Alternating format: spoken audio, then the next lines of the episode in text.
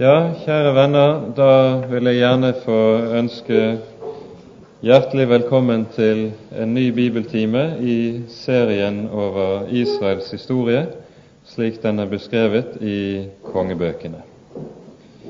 I dag skal vi ta for oss avsnittet fra annen kongebok 15. til og med 17. kapittel, og se om vi kan få se dette i sammenheng med det som ellers er budskapet i Skriften. Skal vi be sammen før vi begynner?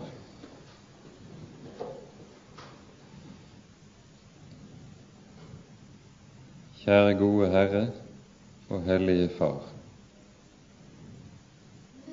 Vi takker og lover Deg at vi skal få komme sammen på ny i ditt hellige navn og om ditt hellige ord.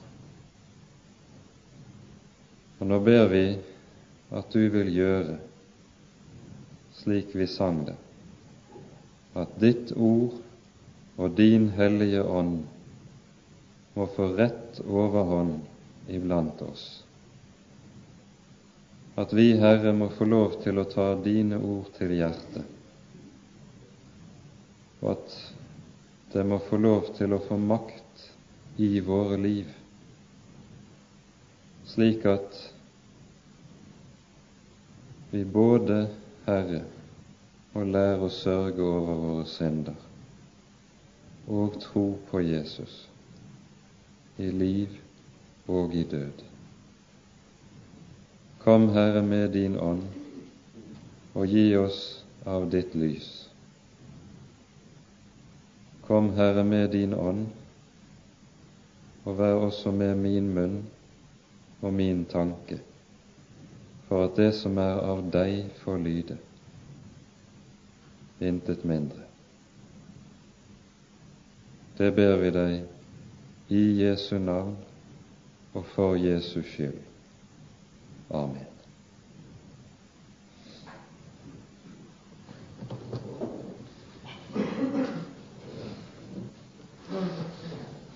Sist gang var vi sammen om den periode i Israels historie, Nordrikets historie, som vi kalte for Israels siste nådetid. Denne falt under kong Jeroboam den annen, som regjerte ca. fra år 810 før Kristi fødsel til rundt 760. Han hadde altså en meget lang regjeringstid. Dette var en nådetid for Israel i dobbelt forstand. Både i den forstand at Guds folk, Nordriket, før Jeroboam kom på tronen, var så hårdt trengt av sine fiender, og da særlig syrerne i nord, at det knapt var noe igjen av folk og rike. Krig, hungersnød og fattigdom gjennomsyret hele folkets liv, og Israel var knekket som militærmakt. Jeroboam gjenreiser folket i dets fordums makt og glans, rikdom og velstand. Og Samtidig er det også Israels nådetid, i den forstand at nå har de sin siste mulighet til å vende om til å snu etter det veldige frafall som har preget folkets liv like fra Jeroboam den første kom på tronen vel 200 år før Jeroboam den annen besteg tronen. Og det vi ser skje, det er at Nordriket så langt fra å benytte seg av denne nådens tid, slik at de vender tilbake, så blir det slik at Guds godhet imot dem bevirker et dobbelt og tredobbelt frafall fra Herren. Og slik blir det at ordene i 5. Moseboks 32. kapittel likesom kan sies å beskrive i en sum det som skjer med Nordriket i denne perioden. Vi leser fra 5. Moseboks 32, 30. kapittel, vers 12.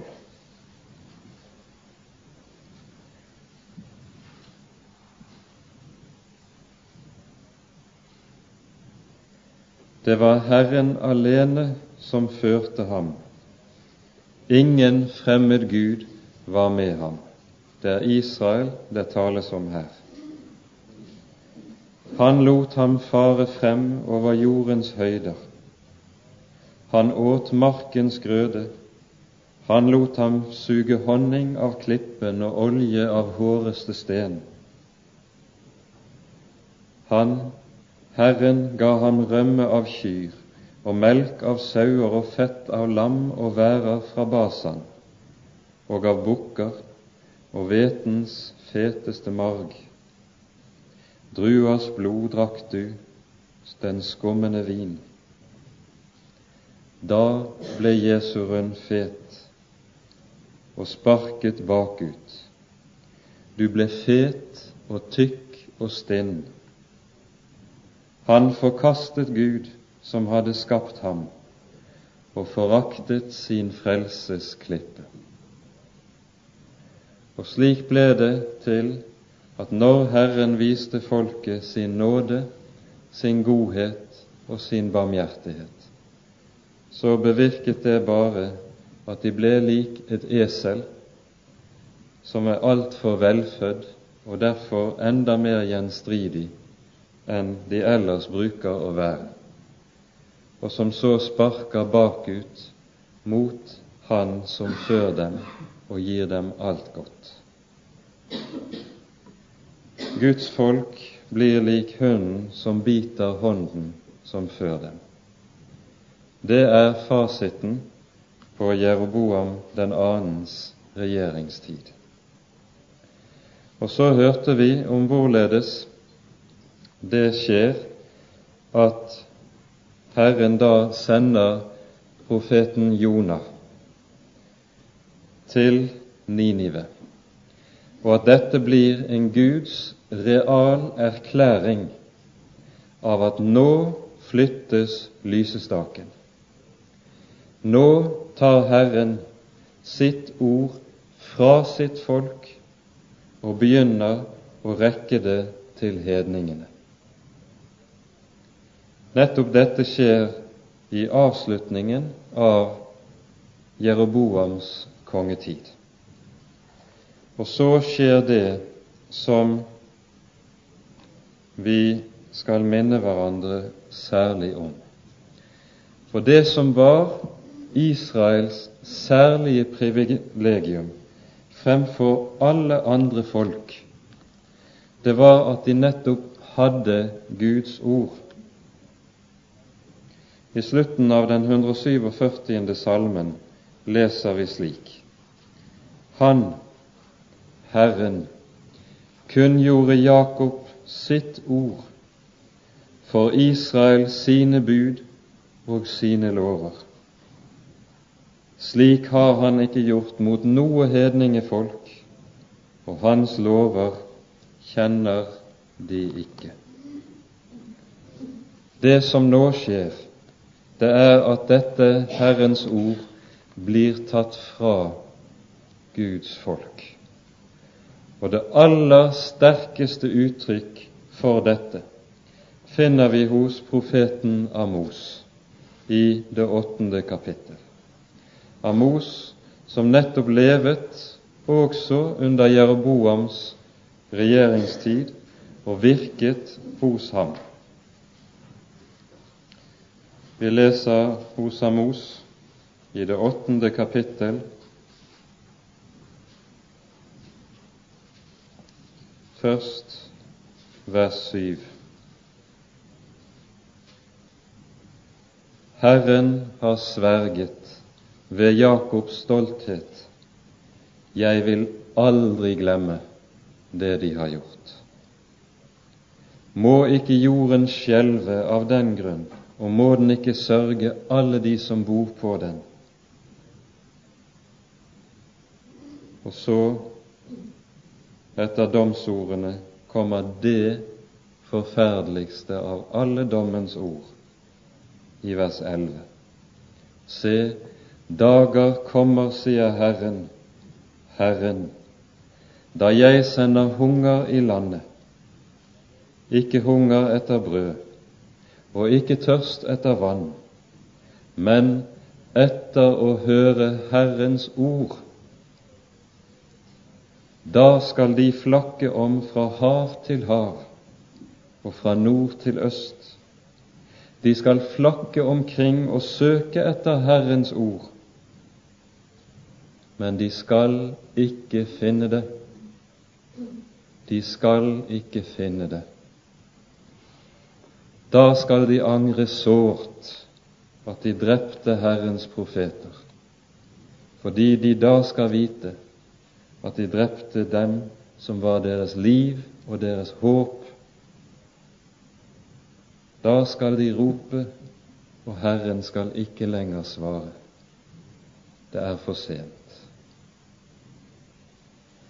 Dette, denne tid er det som begynner idet Jeroboam dør. Og da er vi inne i annen kongeboks 15. kapittel. Vi befinner oss nå omkring år 760-755 før Kristi fødsel.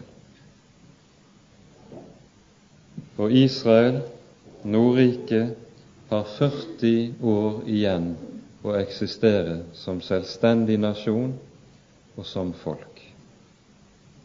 Vi leser i annen kongebok fra vers 15, nei, 15. kapittel fra vers 8.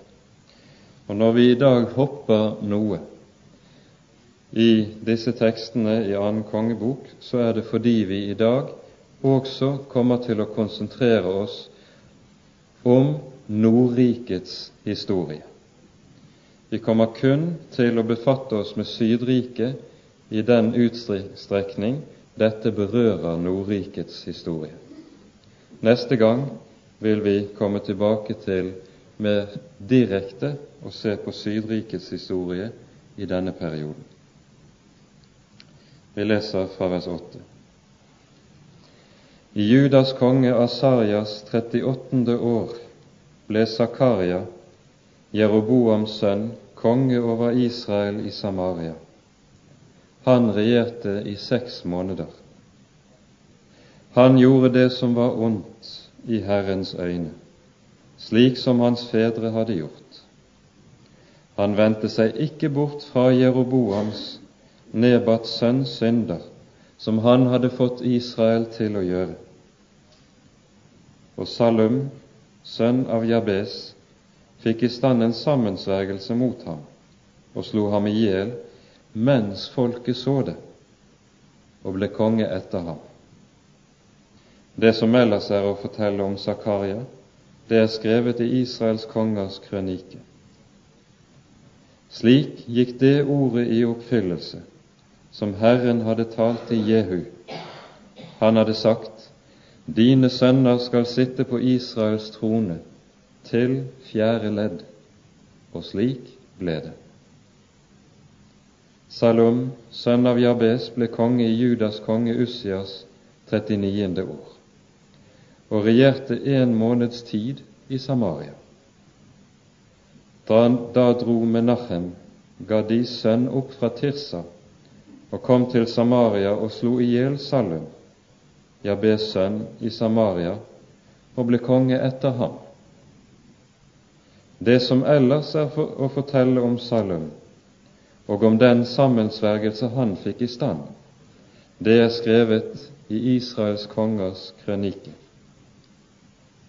På den tid dro Menachem ut fra Tirsa og herjet Tifsa, med alt det som var der, og hele landområdet som hørte til. Byen hadde ikke åpnet portene for ham, og derfor herjet han den. Alle de kvinner i byen som var med barn, skar han opp. I Judas konge Asarias 39. år ble Menachem, Gadis sønn, konge over Israel i Samaria, og han regjerte i ti år. Han gjorde det som var ondt i Herrens øyne. Så lenge han levet, vendte han seg ikke bort fra Jeroboams, Nebats sønns synder, som han hadde fått Israel til å gjøre. Kongen i Asyria Pol falt inn i landet. Da ga Menachem tusen talenter sølv til Pol for at han skulle støtte ham og trygge kongedømmet i hans hånd. De pengene som Menachem skulle gi til kongen i Asyria, fikk han inn ved å legge skatt på Israel, på alle rikmenn, 50 sekel på hver. Så vendte kongen i Asyria tilbake og ble ikke lenger i landet. Det som ellers er å fortelle om Menachem, om alt det han gjorde, det er skrevet i Israels kongers krønike. Så la Menachem seg til hvile hos sine fedre, og hans sønn Pekaja ble konge etter ham. I Judas konge Asarias femtiende år ble Pekaja, Menachems sønn, konge over Israel i Samaria, og han regjerte i to år. Han gjorde det som var ondt i Herrens øyne. Han vendte seg ikke bort fra Jeroboams, Nebats sønns synder, som han hadde fått Israel til å gjøre. Og hans høvedsmann Peka, sønn av Remalja, fikk i stand en sammensvergelse mot ham og slo ham i hjel i Samaria, i borgen i kongens hus. Han drepte også Argob og Aje. Han hadde med seg 50 mann av gileadittene, og da han hadde drept Pekaja, ble han konge etter ham. Det som ellers er å fortelle om Pekaja, og alt det han gjorde, er skrevet i Israels kongers krønike. I Judas konge Asarjas 52. år, ble Peka, Remalias sønn, konge over Israel i Samaria, og han regjerte i 20 år. Han gjorde det som var ondt i Herrens øyne. Han vendte seg ikke bort fra Jeroboams Nebats sønns synder, som han hadde fått Israel til å gjøre. I Israels konge Pekas dager kom kongen i Asyria glatt Pileser og tok Ion og Abel Betma-Akar, og Janoa og Kedes og Hasor og Gilead og Galilea og hele Naftalis land, og han bortførte innbyggerne til Asyria. Og Hosea, Elas sønn, fikk i stand en sammensvergelse mot Peka, Remaljas sønn, og slo ham i hjel og ble konge etter ham i Jotams, Ussias sønns, tyvende år. Det som ellers er å fortelle om Pekka og alt det han gjorde, det er skrevet i Israels kongers krønike. I Israels konge Pekas, Remaljas sønns, andre år ble Jotam, sønn av Judas konge Ussia, konge. Han var 25 år gammel da han ble konge, og han regjerte 16 år i Jerusalem. Hans mor het Jerusa og var datter av Sadok. Han gjorde det som var rett i Herrens øyne, slik som hans far Ussia hadde gjort. Men offerhaugene ble ikke nedlagt. Folket fortsatte med å ofre og brenne røkelse på haugene det var han som bygde den øvre port i Herrens hus. Det som ellers er å fortelle om Jotam og alt det han gjorde, Det er skrevet i Judas kongers krønike. I de dager begynte Herren å sende kongen i Syria, Resin, og peker Remaljas sønn mot Juda. Og Jotam la seg til hvile hos sine fedre og ble begravet hos sine fedre i sin far Davids stad, og hans sønn Akas ble konge etter ham.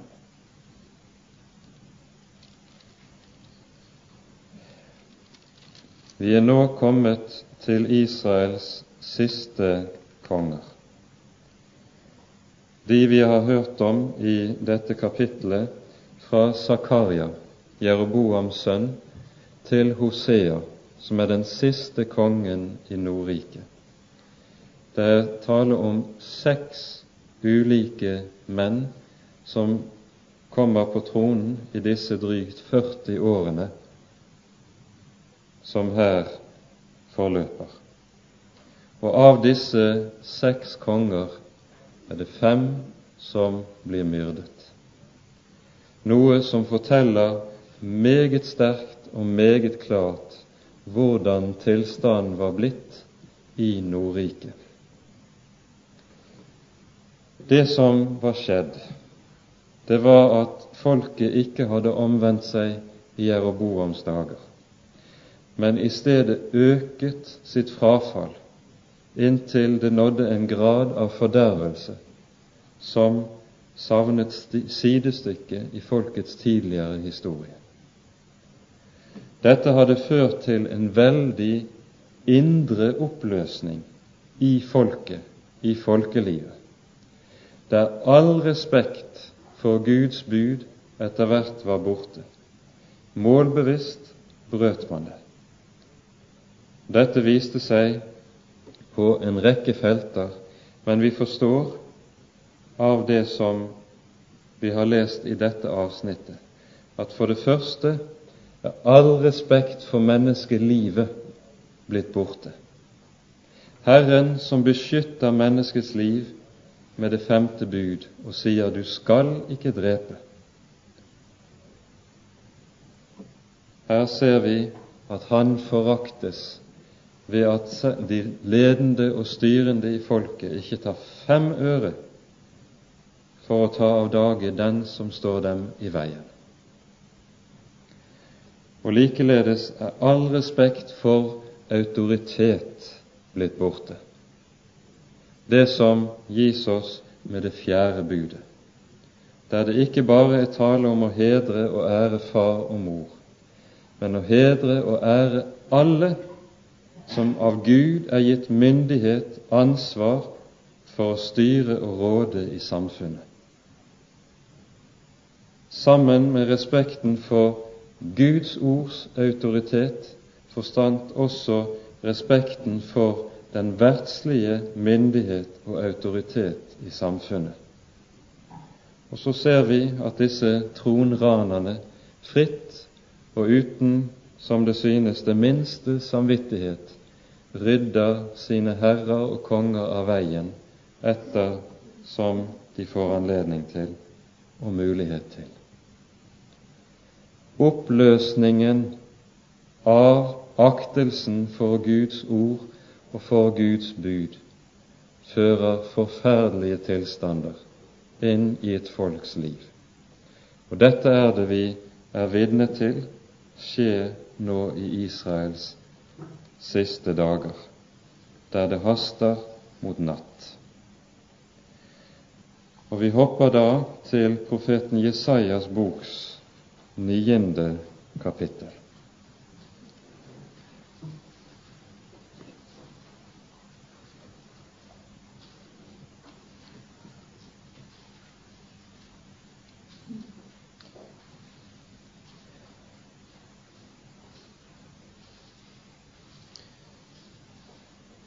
Fra det syvende til det tiende kapittelet i sin bok møter vi på ny og på ny hos Jesaja profetier som angår Nordriket, og ikke først og fremst Sydriket, der han virket. Jesaja var en yngre samtidig av Amos og Hosea. Han levet på slutten av Jeroboams regjering og opplevde å se hele denne periode med kaos og forferdelse utspinne seg for sine øyne i sin levetid.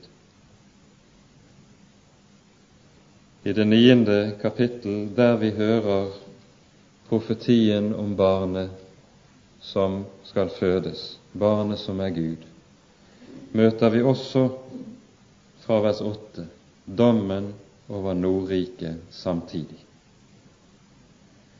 Et ord har Herren sendt mot Jakob, og det skal slå ned i Israel. Hele folket skal merke det. Efraim og Samarias innbyggere.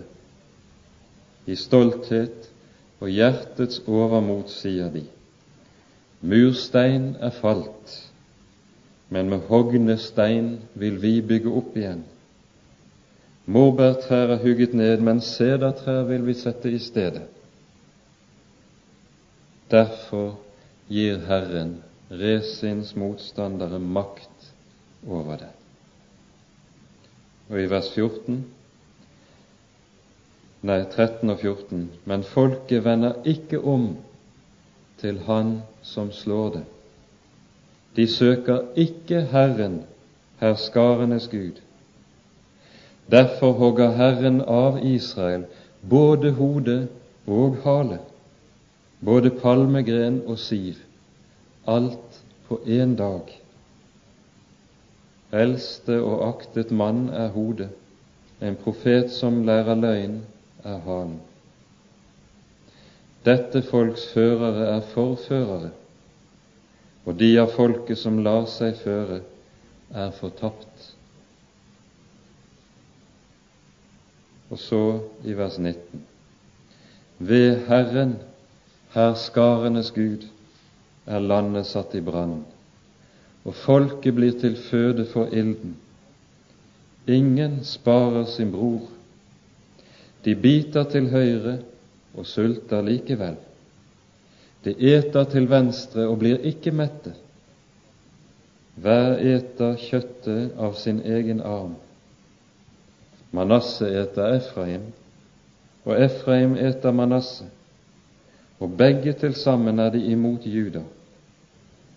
Men med alt dette vender Herrens vrede ikke tilbake, enda er Hans hånd rakt ut. Og Disse tre siste versene i det niende kapittel er en treffende og nøyaktig beskrivelse av det som er blitt tilstanden i Nordriket.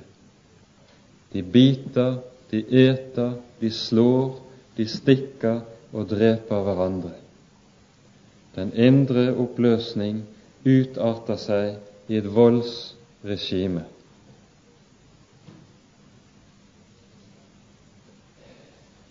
Sammen med den indre oppløsningen som bryter opp folket innenfra, truer den voldsomme asyriske verdensmakten. Asyrerne har allerede fra omkring år 800 gjort seg gjeldende på arenaen som den dominerende makt i hele Midtøsten-regionen, hele det babylonske området, og presser stadig på for å nå sydover. For målet for asyrerne er Egypt, å erobre Egypt. Imellom ligger Israel, Juda og Syria. Det som nå er situasjonen, er at Jeroboam for en tid har maktet å befri seg fra den syriske trusselen. Det var jo syrerne som hadde brutt Nordriket i stykker under Jeroboams forgjengere. Men nå trykker asyrerne på fra nord, og syrerne har mer enn nok med å holde dem stangen ved nordgrensen. Og for en tid klarer de det, og så kan Nordriket og Jeroboams rike blomstre. Og det er delvis også fordi Jeroboam inngår politisk allianse med asyrerne. Det er for å berge seg fra den syriske trussel han gjør det. Men asyrerne nøyer seg ikke med dette. De, og etter hvert skjønner herskerne i Nordriket, Jeroboams etterfølgere, at det nytter ikke å avspise asyrerne med lite grann skatt, og så få lov til å bevare en viss selvstendighet. Asyrerne vil ha noe langt mer. Resultatet er at når Jeroboam er borte, og Peka, som vi hørte om, Remaljas sønn, som var den konge som regjerte lengst i denne periode, 20 år, han inngår nå i stedet en allianse med syrerne for å kunne holde Asyria stangen. Denne allianse er også langt bredere. Den omfatter filistrene ute ved kysten, fønikerne i nord, Tyrus og Sidon, og folkeslagene på østsiden av Jordan, Moab, Ammon og Edom. Alle disse folkeslagene inngår i en allianse for om mulig å klare å holde Asyria stangen. Men det er én nasjon som ikke vil gå med i alliansen. Det er Juda. Det er Sydriket. Der sitter først Jotam på tronen, som etterfølges av sin sønn Akas. i og med at disse ikke vil gå med i alliansen mot Asyria. Så vender Israel og Syria seg mot Juda og går samlet til angrep mot Sydriket. Og her får vi under Pekar, Remaljas sønn, den krigen som kalles for den syrisk-efraimittiske krig og som kommer til å bli den direkte foranledning til at Nordriket går under.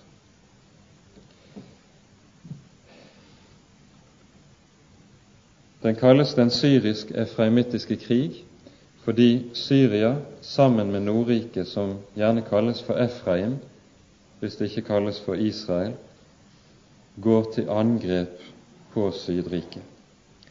Og dette er hovedtemaet i Jesajas boks syvende og åttende kapittel. Og Vi leser nå det syvende kapittelet hos Jesaja.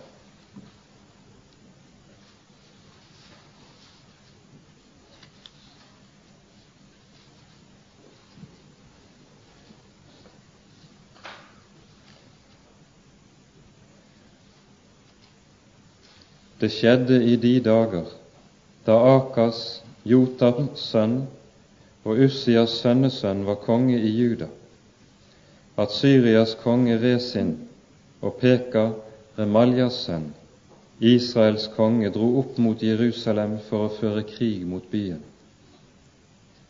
Men han kunne ikke komme seg til å angripe dem. Og det ble meldt til Davids hus, syrerne har slått seg ned i Efraim da skalv kongens hjerte, og hans folks hjerte, like som trærne i skogen skjelver for vinden. Men Herren sa til Jesaja, Gå av sted, du og din sønn Shear Yashov, og møt Akas ved enden av vannledningen fra den øvre dammen, ved landeveien til Vaskervollen. Og du skal si til ham:" Ta deg i vare og hold deg i ro. Frykt ikke og mist ikke motet for disse to stumper av rykende branner, for Resins og Syrias og Remaljas sønns brennende vrede, fordi Syria, Efraim og Remaljas sønn har lagt opp onde råd mot deg og sagt:" Vi vil dra opp mot Juda og skremme det og bryte inn og ta det i eie, og vi vil sette Tabeels sønn til konge over det. Derfor sier Herren, det skal ikke lykkes og ikke skje.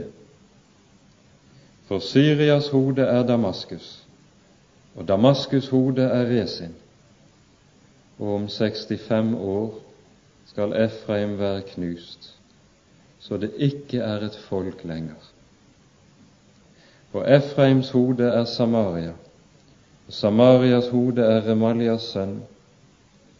Vil dere ikke tro, skal dere ikke holde stand. Og Herren ble ved å tale til Akas og sa:" Krev et tegn av Herren din Gud. Krev det i det dype eller i det høye der oppe. Men Akas svarte, Jeg vil ikke kreve noe, og vil ikke friste Herren. Da sa profeten, Så hør da, dere av Davids hus. Er det for lite for dere å trette mennesker, siden dere også tretter min Gud? Derfor skal Herren selv gi dere et tegn. Se, en jomfru skal bli med barn. Hun skal føde en sønn og gi ham navnet Immanuel. Så møter vi profetien om jomfrusønnen. Og en kunne undre seg hva er det som gjør at denne profeti om den kommende frelser kommer inn nettopp i denne sammenheng en slik konkret historisk kontekst som vi her står overfor. Det vil vi se hvis vi går noe nærmere inn i teksten.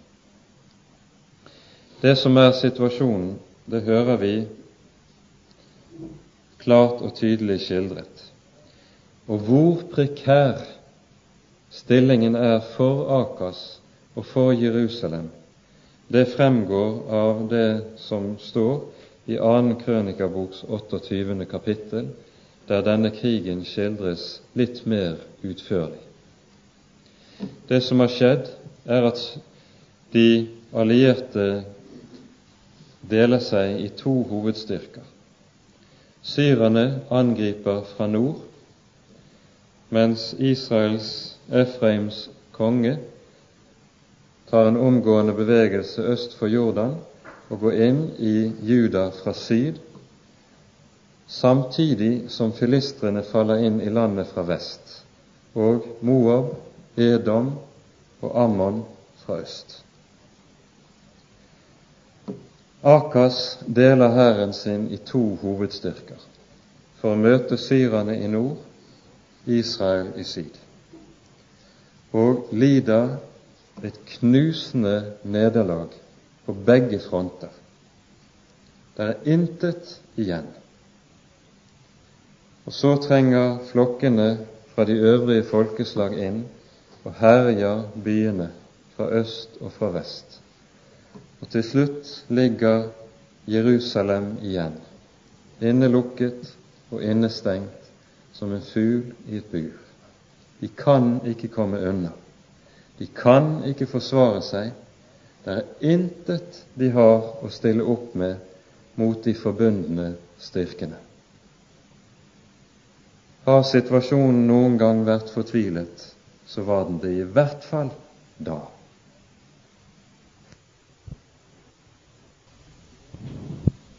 Det eneste som skiller erobrerne fra å nå sitt mål, det er murene rundt Jerusalem.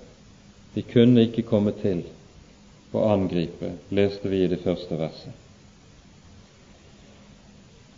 Disse forbundne styrker har ett mål for øye, og det er ikke bare å få Juda med i alliansen mot Asyria, men det er noe langt mer. Vi leste i vers 6. Vi vil dra opp mot Juda, skremme det og bryte inn og ta det i eie. Og vi vil sette Tabeels sønn til konge over det. De vil altså avsette Davids hus og sette en hedning, en syrer, på tronen i Jerusalem. Og dette har Guds folk, Israel, Efraim, gått med i. Hva er det dermed Israel gjør? De angriper det som er selve grunnlaget for sin eksistens. De angriper det som er deres håp. For det som var Guds folks håp, det var løftet som var gitt til David. Løftet som var gitt til Abraham. I deg skal alle jordens folk velsignes. Og hos David og til ham konkretiseres det at i hans hus og i hans ett skal Frelseren fødes. Angrepet mot Davids hus det er altså et angrep mot Guds løfte. At Israel eksisterer som folk, det er jo nettopp at de var bærere av dette løftet. At i dette folk skulle Frelseren fødes. I dette folk var det all jorden hadde sitt håp. Og nå ønsker de forbundne styrker, styrker. Ja, nå ønsker Guds folk selv å gjøre løftet til intet. Dermed drar de vekk grunnen under sin egen eksistens. Og så forstår vi samtidig at nå er det ikke lenger tale bare om krig i rent verdslig eller nasjonal forstand. Her er det tale om åndskamp i ordets egentligste forstand. For det disse ønsker å gjøre, er å gjøre Guds løfte, håpet, til intet. Derfor er det Han som er Herre, må reise seg og må gi sitt løfte slik han gjør det. Og vi leser i det syvende verset. Derfor sier Herren, Herren, det skal ikke lykkes. Han som har gitt sitt løfte, skal selv sørge for at det blir oppfylt, at det blir stående fast. Og om mennesker reiser seg og strider mot ham, det skal dog ikke lykkes. Og ordene i Salme 2 kan godt sies å stå som sammenfatning av det som vi her møter. Hvorfor larmer hedningene og grunner folkene på det som fåfengt er? Jordens konger reiser seg, jordens dommere rådslår til sammen mot Herren og mot Hans salvede. La oss kaste deres bånd av oss, sier de. Og så står Guds svar i det fjerde verset. Han som troner i himmelen, ler. Han som troner i himmelen, ler. Det skal ikke lykkes dem. Og så kommer Herren til Akas med løftet. Vil dere ikke tro, skal dere ikke holde stand. Men dette er det vanskelig for Akas å tro. Akas, det hører vi om i kongebøkene og krønikebøkene, er kanskje er en av de aller mest ugudelige kongene som har sittet i Jerusalem, og i hvert fall antagelig den verste inntil da. Han innførte systematisk hedensk avgudsdyrkelse både i Jerusalem og i Juda. Å lytte til Guds løfter, det er derfor noe som ikke faller ham verken naturlig eller lett. Det gjør det ikke for den som frykter Herren, når de kommer i en slik situasjon. Langt mindre for en som bevisst har søkt å innføre en annen tro i landet. Og dog til en som er som så målbevisst har reist et opprør mot Herren, gir Herren dog dette løftet, løftet om redning. Det er for at ordet til Davids hus skal stå.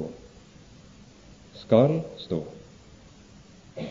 Enten det er ugudelige eller gudfryktige som sitter i på tronen. Løftet skal stå. Og så sitter Akas der. Han ser hærene stå utenfor murene.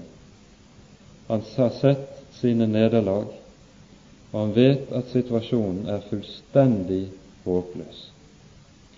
Skal han nå bli reddet, kan det utelukkende bli på akkurat samme premisser som da Israel ble ført ut fra Egypt, og da det lød Herren skal stride for dere, og dere skal være stille. Han kunne ganske enkelt ikke gjøre noe til eller fra. Militært sett var han hjelpeløs. Vil dere ikke tro, skal dere ikke holde stand, er ordet fra Jesaja, og gir i dette også en klar advarsel til Akas. Og Herren går meget langt da han kjenner Akers vantro, tilbyr han ham et tegn. Vi leste fra vers 10 og 11. Krev et tegn av Herren din Gud, Krev det i det dype eller i det høye der oppe. Altså, Gud Herren stiller himmel og jord til disposisjon for Akas. Krev akkurat hva du vil. Jeg vil gjøre det. Josva hadde bydd solen å stå stille på himmelen. Du kan be om det samme. Moses hadde skilt havet. Du kan be om det samme og du skal få det til vitnesbyrd om Herrens ord og Herrens makt, for at du skal tro. Men Akas vil ikke tro, og under et meget fromt påskudd, som det kan høres, avviser han Guds tilbud. Jeg vil ikke friste Herren. Det er blankt hykleri i Akers munn, samtidig som det i dette ligger innbakt en anklage mot profeten. Du prøver å få meg til å friste Herren min Gud. Hvorpå Guds løfte kommer om jomfrusønnen. Tegnet. Tegnet som er et tegn både i det høye og i det lave, i det dette tegn forener det høye og det lave. I jomfruen forenes Gud og menneske, himmel og jord. Men det blir et tegn som samtidig er av en slik art at Akas ikke kan og ikke får se det for sin forherdelses skyld. Hva gjør da Akas i stedet? I stedet for å ta til seg Guds ord og Guds løfte, gjør han det som kom til å bli hans egen ulykke siden. Han sender bud til Asyria og ber den asyriske kongen om å komme og redde ham. Og Assur lar seg ikke be to ganger. Han sender en stor gave av gull og sølv, henter ut gullet fra Guds hus i Jerusalem og sender det til asyrerne for å berge seg. Asyrerne kommer fort og erobrer Damaskus i en håndvending, idet stor del av styrken er forlagt lenger syd. Og Damaskus faller. Og i neste omgang bøyer Nordriket seg derfor for det asyriske presset. Pekar sier seg villig til å bli lydkonge under den asyriske verdensherskeren og betale ham skatt. Og det er ikke lite han må betale, leste vi i annen kongebok 15. Tusen talenter sølv, det er ingen ringe sum. Én talent, det er et vektmål, det er 34,2 kilo. Det var altså 34 tonn sølv han måtte betale i skatt for å holde asyrerne fra livet. Og slik redder Akar seg i første omgang. Og hva skjer nå? I Nordriket dør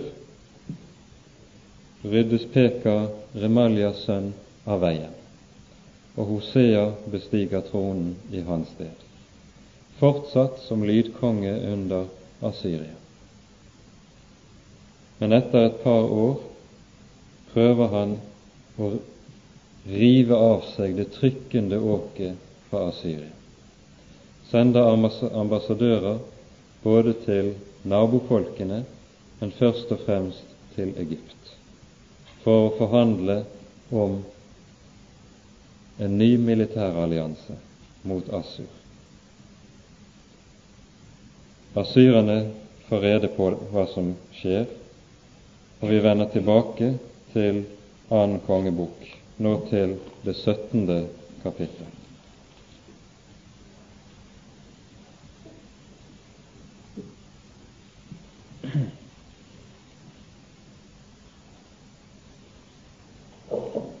I Judas konge Akas tolvte år ble Hosea, sønn av Ela, konge over Israel i Samaria, og han regjerte i ni år. Han gjorde det som var ondt i Herrens øyne, men likevel ikke som de konger i Israel som hadde vært før ham. Kongen i Asyria, Salmanasar, dro opp mot ham hos Hosea ble hans tjener og måtte svare skatt til ham. Men så oppdaget kongen i Asyria at Hosea hadde innlatt seg i en sammensvergelse. Han hadde sendt bud til kongen i Egypt, So, og betalte ikke lenger skatt til kongen i Asyria, slik han før hadde gjort, år etter år.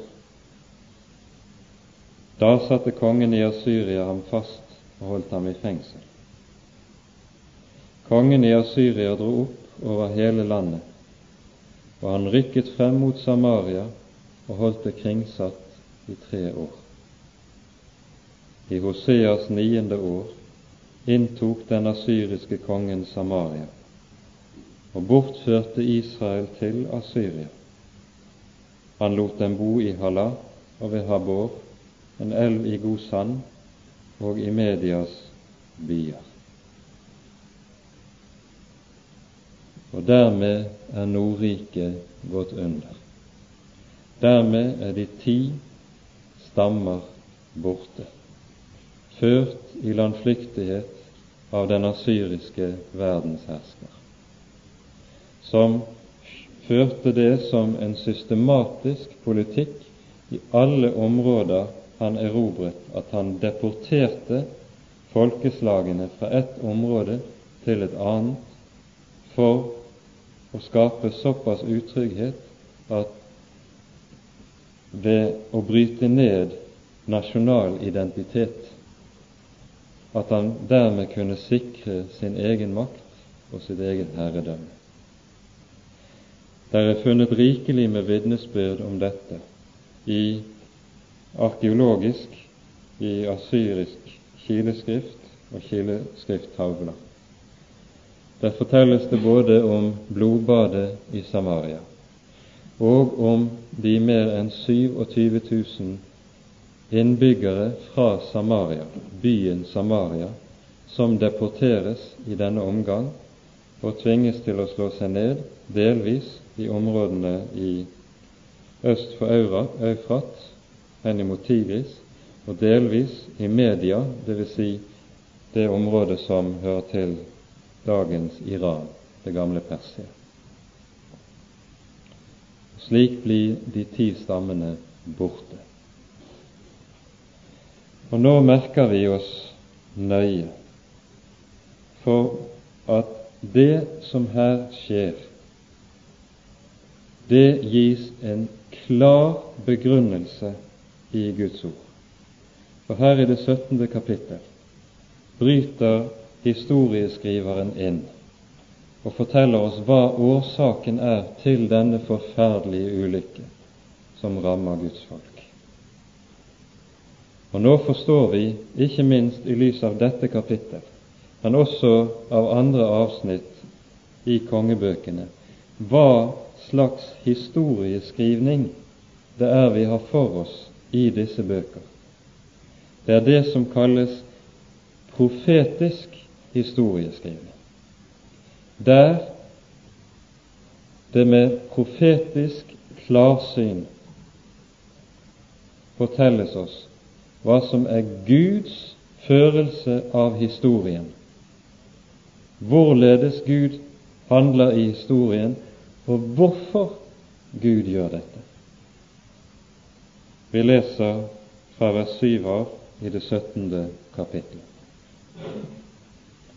Slik gikk det fordi Israels barn syndet mot Herren sin Gud, Han som hadde ført dem opp fra landet Egypt og utfridd dem av den egyptiske konge faraos hånd. De fryktet andre guder. Og legg merke til bevegelsen i dette. Herren er folkets Gud, og han frir dem ut fra trelldommen under farao. De forkaster Herren sin Gud, og de kommer på ny under trelldom, under fremmede og onde herrer. Vi fortsetter. De fryktet andre guder og vandret etter skikkene hos de hedningefolk som Herren hadde drevet bort for Israels barn etter de skikker Israels konger hadde innført. Og vi merker oss en av de mest grunnleggende årsaker til frafallet i Guds folk. Hva var det? Guds folk var seg ikke bevisst hvem de var, og hva deres kall var. De tok etter omgivelsene sine og begynte å leve som andre mennesker levet. De tok ikke på alvor at det å være kåret til å være Guds folk, det var kåret til å være et annerledes folk. Et folk som var utskilt fra andre folk, for nettopp ikke å være som dem, fordi de skulle ha en annen arv, et annet håp, en annen fremtid, en annen Gud. Derfor skulle de ikke være like alle andre. Men nettopp det var en av hovedårsakene til fallet. De skikket seg like med dem de bodde blant. Og dette har til gjennom alle tider vært Guds, en av Guds folks største farer, like inn i vår tid og vår tids kristenhet. Vi fortsetter vers 9. Israels barn tilhyllet Herren sin Gud med ord som ikke var rette, det er utlagt, med falske forklaringer av Herrens ord, ga de folket et falskt bilde av Herren. Og det skal vi merke oss nøye. For der Guds ord ikke blir rett forkynt og utlagt, der skjules Gud selv for menneskene, slik at de ikke kan finne ham og ikke kan bli frelst, ikke kan bli omvendt og ikke finne veien. Derfor er det slik at Guds folk lever av og på og i kraft av en forkynnelse som har lys i ordet, det lys som forkynner Guds ord slik Gud har talt det, ikke slik den ene eller annen fortolker måtte finne for godt å mene om det, eller dra det til. De tilhyllet Herren sin Gud med ord som ikke var rette. Legg nøye merke til det.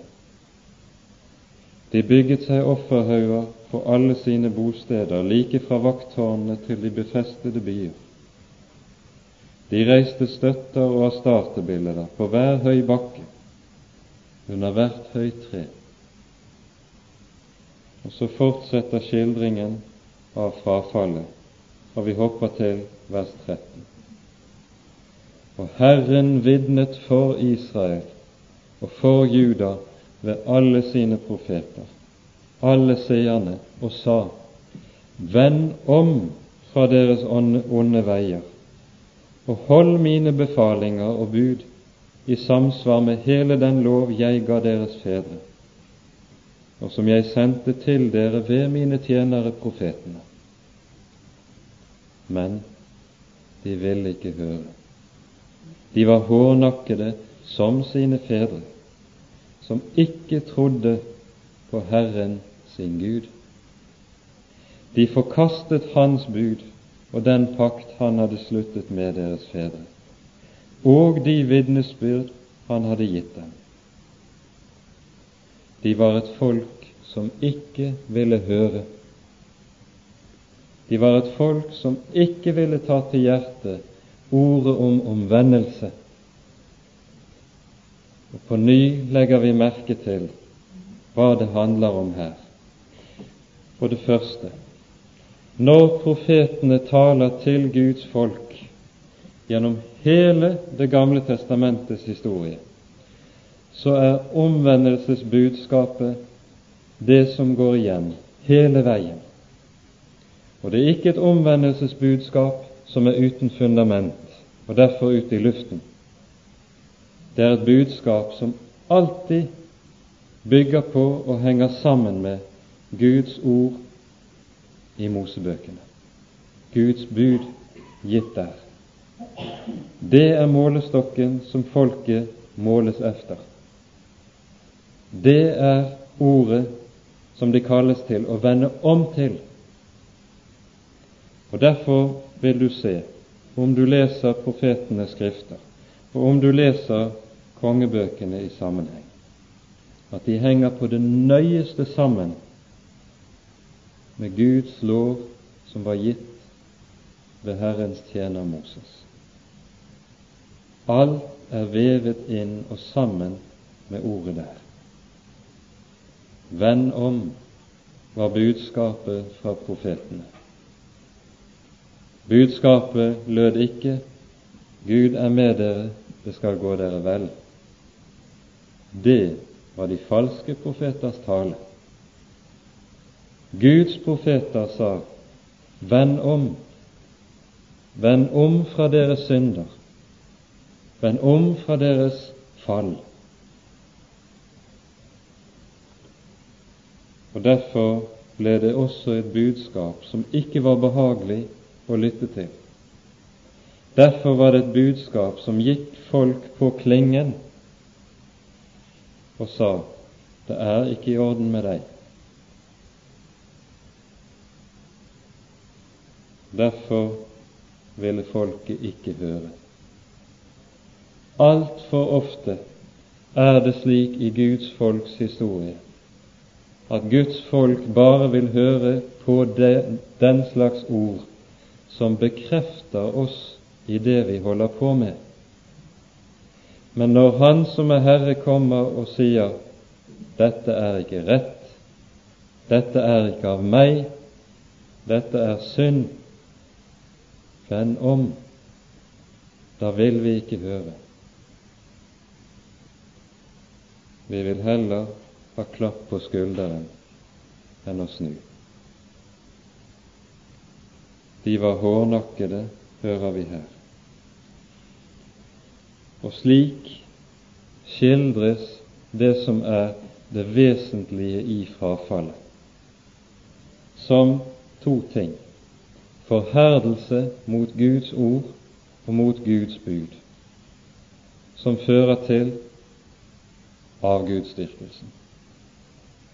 Den ligger der i neste omgang, og den skildres der.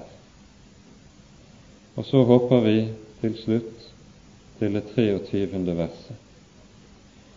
Til slutt støtte Herren Israels bort, Israel bort fra sitt åsyn, slik som han hadde talt, ved alle sine tjenere, profetene. Og så ble Israel bortført fra sitt land til Asyria, og der har de vært til denne dag. Folket i fangenskap under onde og ubarmhjertige herrer. Og det som blir stående igjen, det er en liten rest i syd, et utarmet folk som bor i Jerusalem. Akas er konge, men det de har, det er et løfte. Et løfte om et barn som skal fødes, og som heter Immanuel. Dette er tegnet. Og i dette navnet Immanuel ligger også det som er underet underet fordi, for det første, med dette sies det at dette barnet er Gud, intet mindre. Og for det andre at dette barn legemliggjør nådens under, nemlig at Gud er med oss, ikke mot oss, slik vi hadde fortjent slik vi har stelt oss, så har vi gjort oss skyldig til alt annet enn nettopp dette. Vi hadde fortjent at Han var oss imot. Men dette løftet om et barn som legemliggjør nåde for syndere, det er det som står igjen i syd hos den lille rest. Og der skal vi gå videre neste gang. Amen.